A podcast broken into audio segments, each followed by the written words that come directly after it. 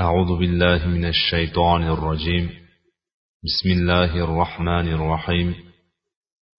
إن الحمد لله نحمده ونستعينه ونستغفره ونعوذ بالله من شرور أنفسنا ومن سيئات أعمالنا. من يهده الله فلا مضل له ومن يضلل فلا هادي له. واشهد ان لا اله الا الله وحده لا شريك له واشهد ان محمدا عبده ورسوله السلام عليكم ورحمه الله تعالى وبركاته o'tgan darsimizda ma'naviy jang abbosiylar armiyasining kuchsizlanishi mo'g'ul qo'shinining iroqqa hujum qilishga hozirlanishi ismoiliya toifasini qilichdan o'tkazilishi mo'g'ul bosqini vaqtida bog'dodning ahvoli va xalifa mustasim billahning ahvoli kabi mavzularni zikr qilgan edik. Bog'dod hukumatining ahvoli. Xalifaning hamtovoqlari bo'lmish hukumat undan zig'ircha ham farq qilmas xalifaning armiyasi kabi ruhan tushkun va zaif bir holatda edi. Vazirlarning butun dardi xayoli dunyo jamg'arish boylik o'z hokimiyatlarini kengaytirish xalqni qul qilish bir birlari bilan shon sharafda musobaqalashish qasr yoki mansab yoxud bir joriya talashib o'zaro kurashishdan iborat edi. Bu vazirlarning kattasi yurtini va xalqini sotgan ummat dushmanini o'ziga do'st tutgan ummatga adovat zahrini sochgan xoin vazir muayyiddin alqamiy ashshiyai edi. Bu vazir musulmonlarning boshiga bitgan balo bo'lib uning xalq bilan aloqasi birodarlik emas sayyid va qul munosabati kabi edi. Vala havla vala quvvata illa billah. Bog'dod xalqining ahvoliga kelsak xalq bu xalifadan jafo chekuvchi emasdi.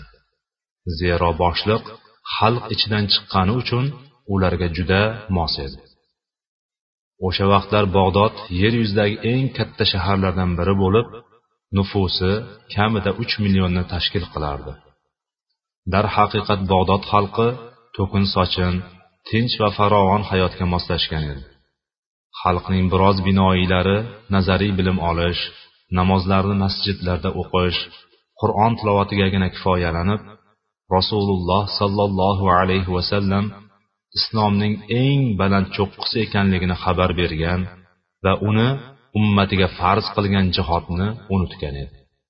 Aholining qolganlari va aksariyat qismi shahvat va lazzatlarga burkangan taomlar va liboslarning turli tumanlarini yeyish va kiyish joriya va qullar dala hovlilar bog'roqlar ot ulovlarni ko'paytirish borasida musobaqalashar edi. Shuningdek ularning ichida qur'on va hadisni qo'yib kuy va musiqa tinglovchilari harom ichimliklar ichuvchilari o'g'irlikni kasb qilganlariyu zolimlari bor edi. Bu ham yetmaganday afg'oniston o'zbekiston turkmaniston fors ozarbayjon checheniston va boshqa islom o'lkalaridagi birodarlarining vahshiyona qirg'ini muslimalarning qul qilingani musulmon go'daklarning o'ldirilganiyu o'g'irlangani muslima qizlarning zo'rlangani mol dunyolari talanib diyorlari vayron etilgani allohning uyi bo'lmish masjidlar yoqilganini eshitib ulardan birortasi harakat qilmagan edi.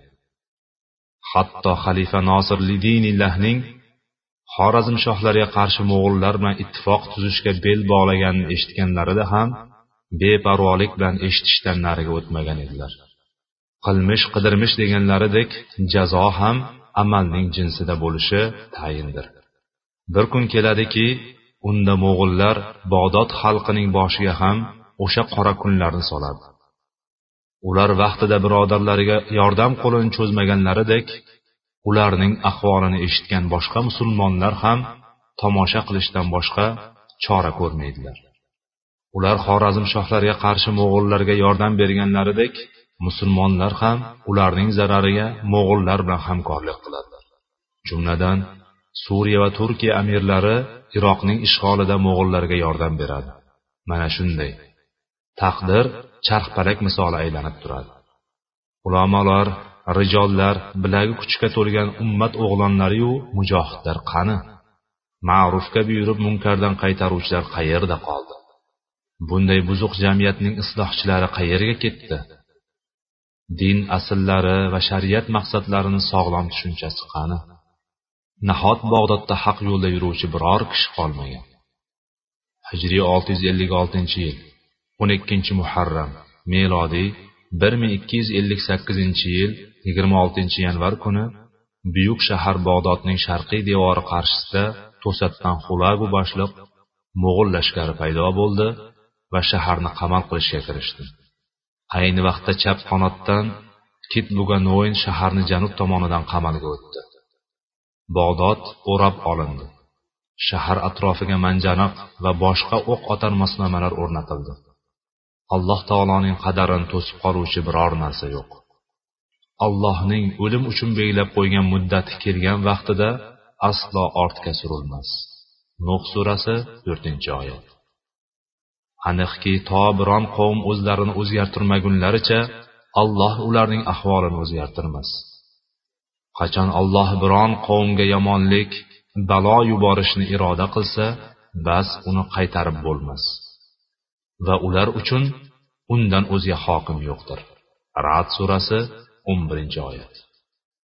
Hayajondan dovdiragan xalifa zudlik bilan xoin vazir muayiddin alqamiy boshchiligidagi katta maslahatchilarini to'pladi. Sotqin vazir muayyiddin alqamiy mo'g'ullarni tinchlantirish va tinchlik yo'li bilan muzokara qilishni taklif qildi. U bu o'rindagi yagona yechim biror bir shartlarsiz omonlik so'rash dedi. Biroq bu ummat ichida yaxshilik tamoman yo'q bo'lmaydi.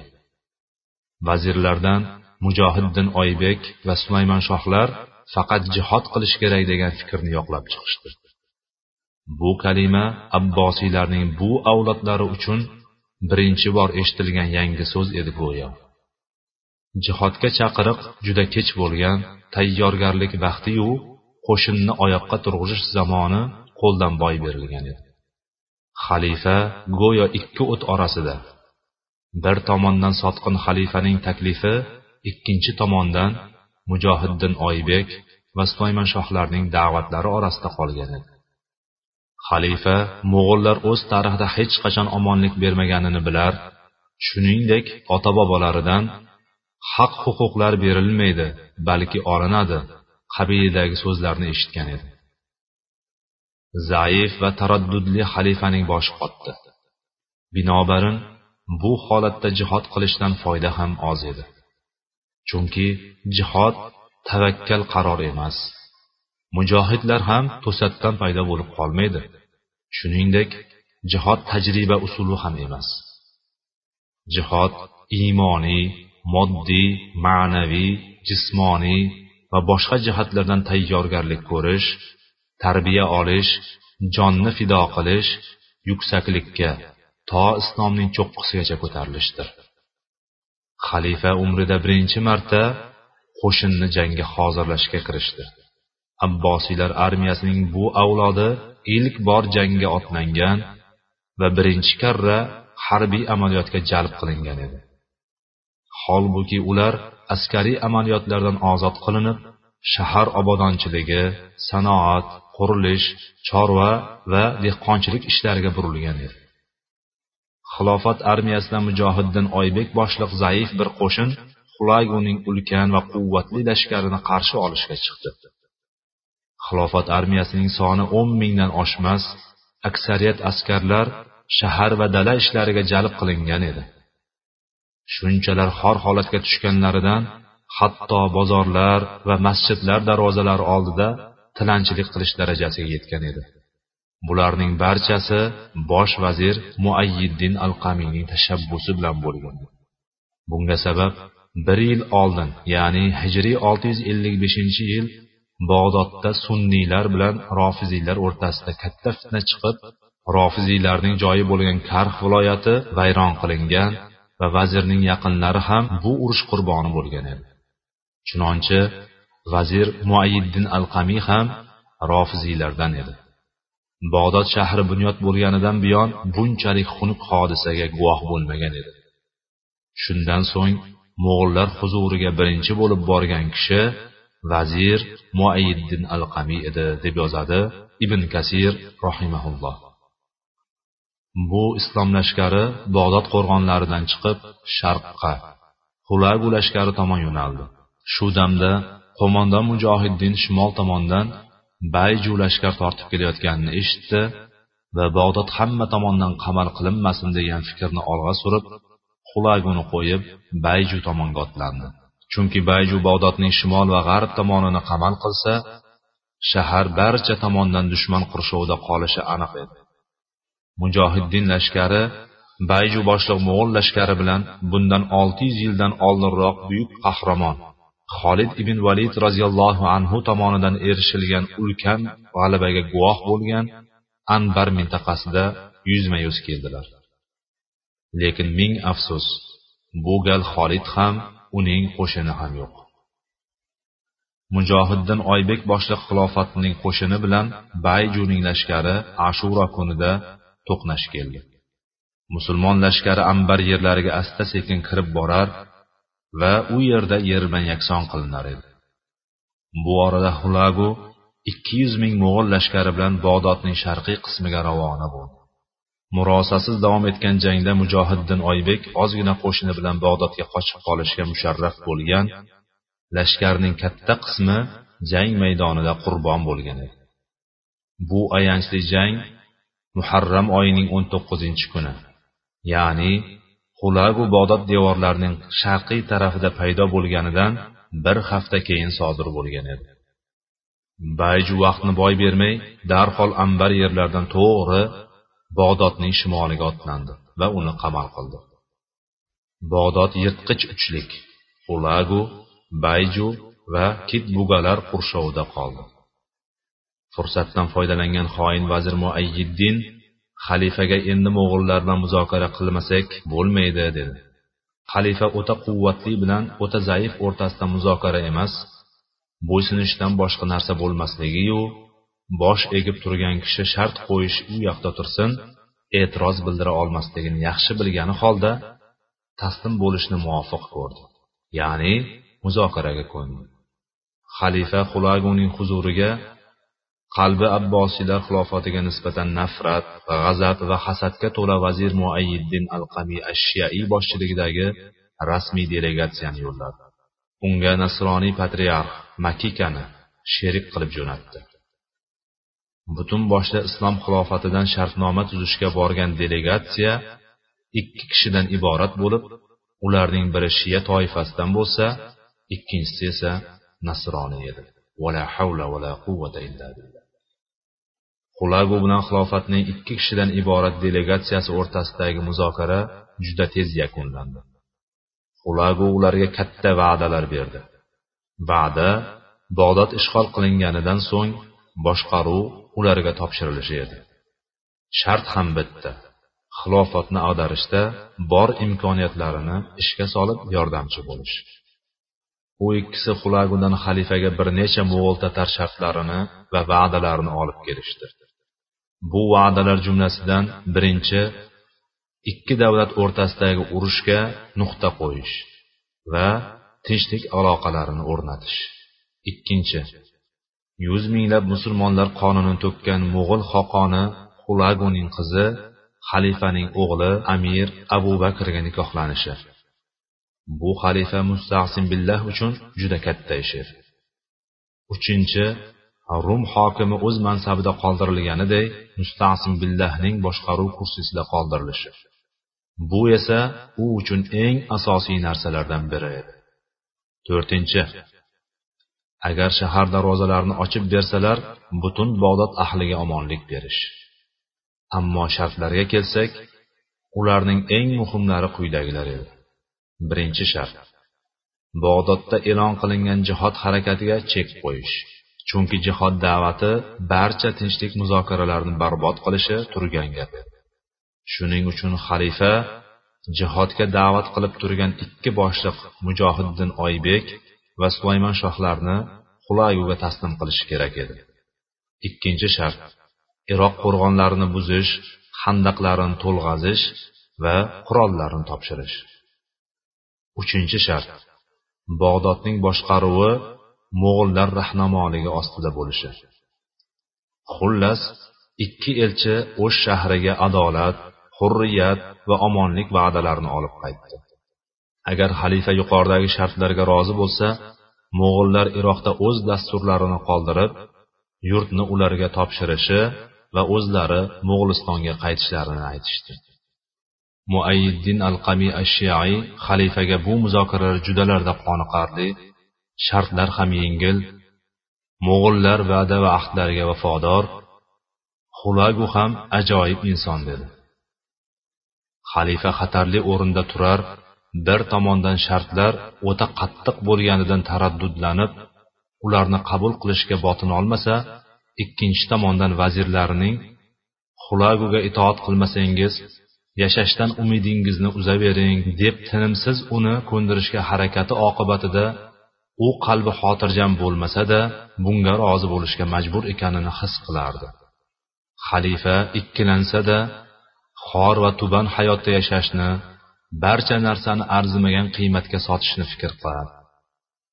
Bog'dod xalqi taraddudda edi zero jihod nidosi juda kam og'izlardangina chiqqan omma insonlar qalbini shaharni qurshab olgan mo'g'ullardan bo'lgan qo'rquv egallagan va dunyo o'ta shirin ko'ringan edi. O'sha kunlarda bog'dodda chirkinliklar juda ko'paygan edi. Chirkinliklar qancha ko'paysa halokat ham shuncha yaqin bo'ladi. Xalifa o'ylab ko'rishga ozgina vaqt istadi. Biroq xulaguning vaqti yo'q edi. Zero ulkan qo'shin uchun har kun juda katta xarajat ketishi turgan gap. Ustiga ustak qamal kunlari hijriy 656 yil muharram oyi. Milodiy 1258 yil yanvar oyiga qahraton qish achchiq sovuq kunlarga to'g'ri kelgan edi. Xulagu uzoq vaqt kutmadi. Tosh va o'tdan bo'lgan zambarak o'qlari bilan bombardimonni boshlab yubordi. Hijriy 656 yil 22 muharram milodiy 1258 yil 5 fevral seshanba kuni shahar devori dars ketib mo'g'ul askarlaridan ko'pi shaharga kirdi. Birinchi zambarak o'qi tushishi bilan xalifaning yuragi yorila yozdi. Bombardimon to'rt kun davom etdi. Ibn kasir rohimaulloh al bidayat va nihoya kitobida bu voqeani qisqacha zikr qilib aytadiki mo'g'ul tatarlar xalifa qasrini qurshab uni har tomondan o'qqa tutdi. Hatto xalifa huzurida raqsga tushib uni xushnud aylayotgan arafa ismli ma'shuqalaridan biri bo'lgan kanizakka derazadan kirgan daydi o'q tegdi va kanizak uning ko'z o'ngida jon berdi. Xalifa buning natijasi o'laroq xavotirlanib qattiq sarosimaga tushdi.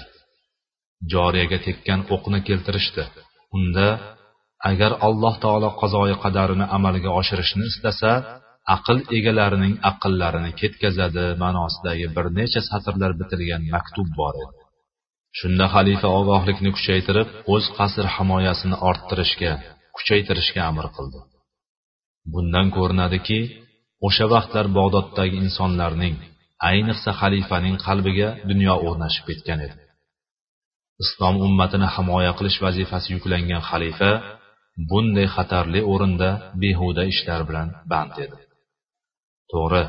Kanizak uning qo'l ostidagi mulki ya'ni u uchun halol edi.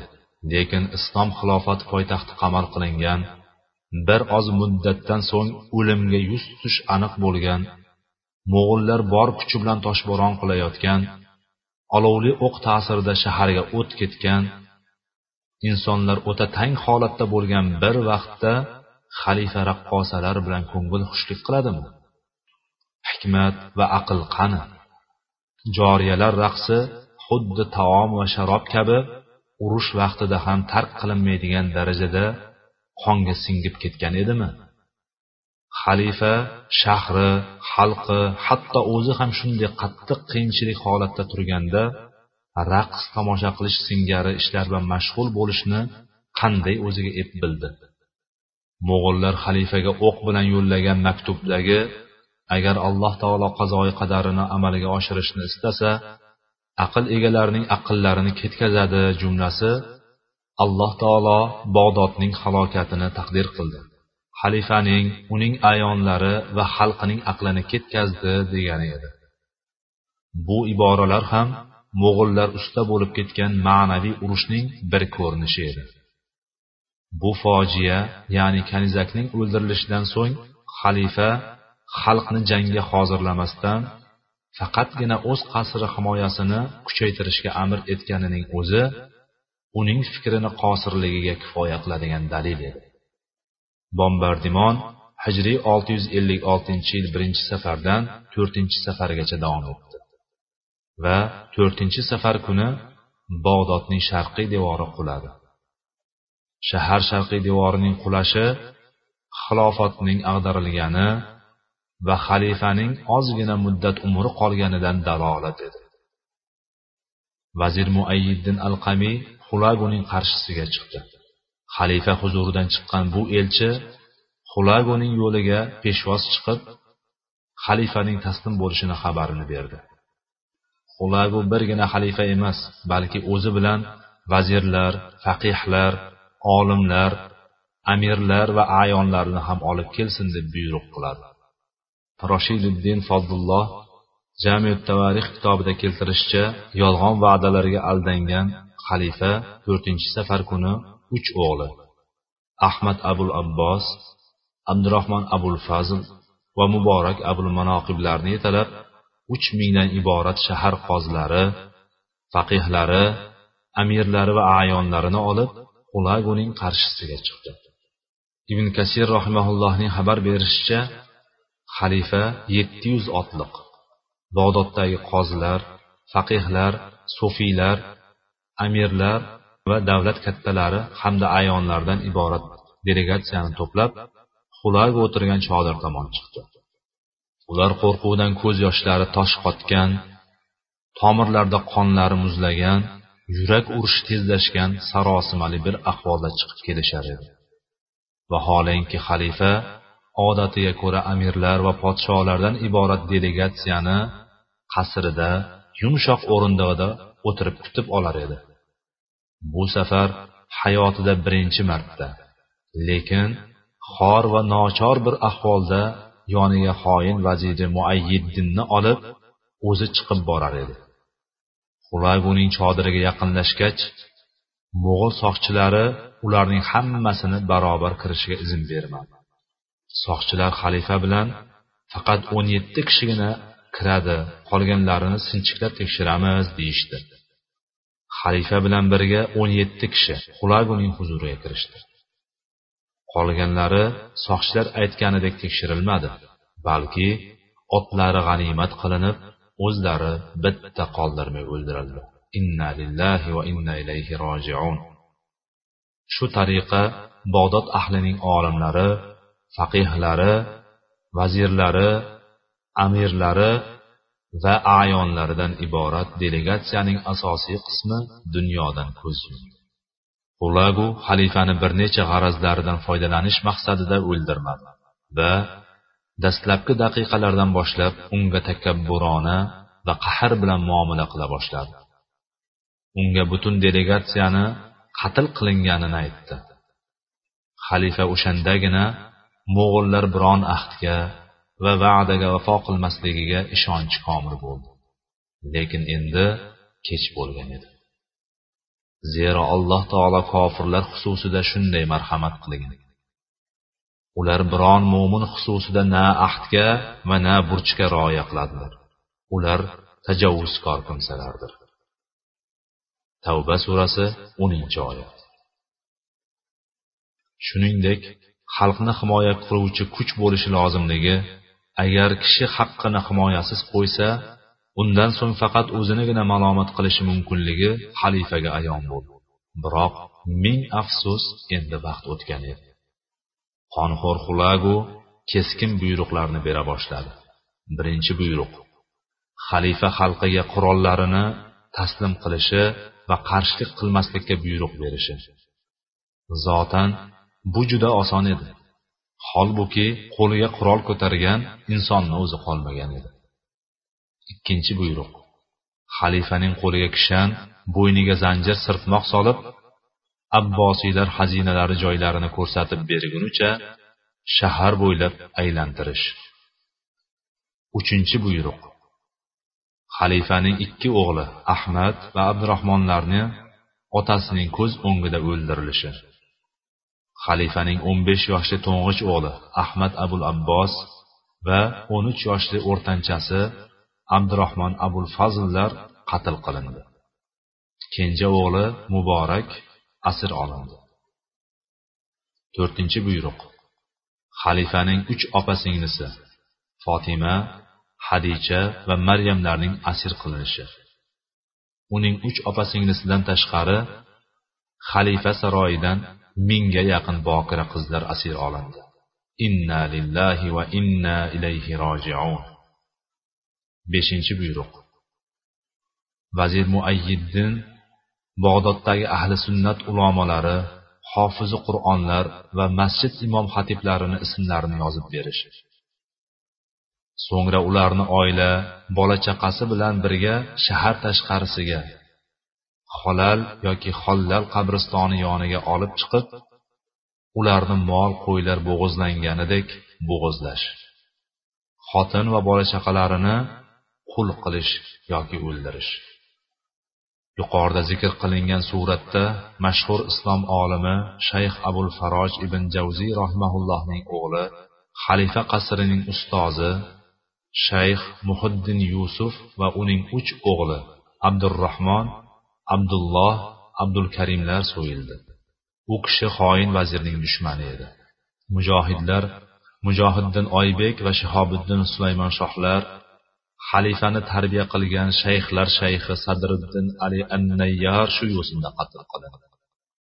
Undan so'ng masjid imom xatiblari va hofizi qur'onlar so'yildi. Xalifa bularga guvoh bo'lib turdi. Xalifa qanchalar dardu alam nadomat va qo'rquvni his qildi ekan. Agar xalifa ilgariroq oqibat shunday bo'lishini bir necha lahza tasavvur qilganida balki butunlay boshqa yo'lni tutgan bo'larmidi? Lekin o'tgan kunlar ortga qaytmaydi. Bu allohning qonunidir yettinchi safar chorshanba kuni xulagu lashkariga bag'dodning sharq va g'arbidan ommatan hujumga o'tishiga buyruq qildi. Handaqlar ko'mildi shahar devorlari buzildi va mo'g'ullar shaharga kirishdi. Shaharni va masjidlarni vayron qilishdi. To'qqizinchi safar juma kuni xulagu xalifaning qasriga kirib xalifani keltirdi va abbosiylarning butun xazina va mol davlatlarini taslim qilishga amr qildi. So'ngra ularni odamlardan biriga topshirdi so'ngra rofiziy vazir bir necha oy davomida bog'dod masjidlarini undagi jamoatlar va jumalarni buzishga kirishdi. U bu bilan sunniylarning masjid va madrasalarini to'liq yo'q qilib o'rniga rofizalarning buzuq e'tiqodini tarqatishga kirishdi. Lekin alloh unga izn bermadi. Bu hodisadan bir necha oydan keyin uning jonini oldi. Bu ishga bel bog'lagan uning o'g'li ham uning ortidan ravona bo'ldi. Alloh u ikkisini do'zaxning qarida jamlagandir vallohu alam deydi ibn kasir rahimahulloh. Vaqtimiz yakunlab qolganligi uchun suhbatimizga shu yerda yakun yasaymiz. Vallohu taala alam. Alloh subhanahu va taolodan uning yer yuzida joriy qilgan qonunlarini bildirishini manfaatli bo'lgan ilmni ta'lim berib ta'lim bergani bilan foydalantirishini va tarixni bizlarga ibrat qilishini so'raymiz albatta bu allohning qo'lida va u bunga qodir zotdir اللهم علمنا ما ينفعنا وانفعنا بما علمتنا وزدنا علما سبحانك اللهم وبحمدك واشهد ان لا اله الا انت استغفرك واتوب اليك وآخر دعوانا أن الحمد لله رب العالمين. والسلام عليكم ورحمة الله وبركاته.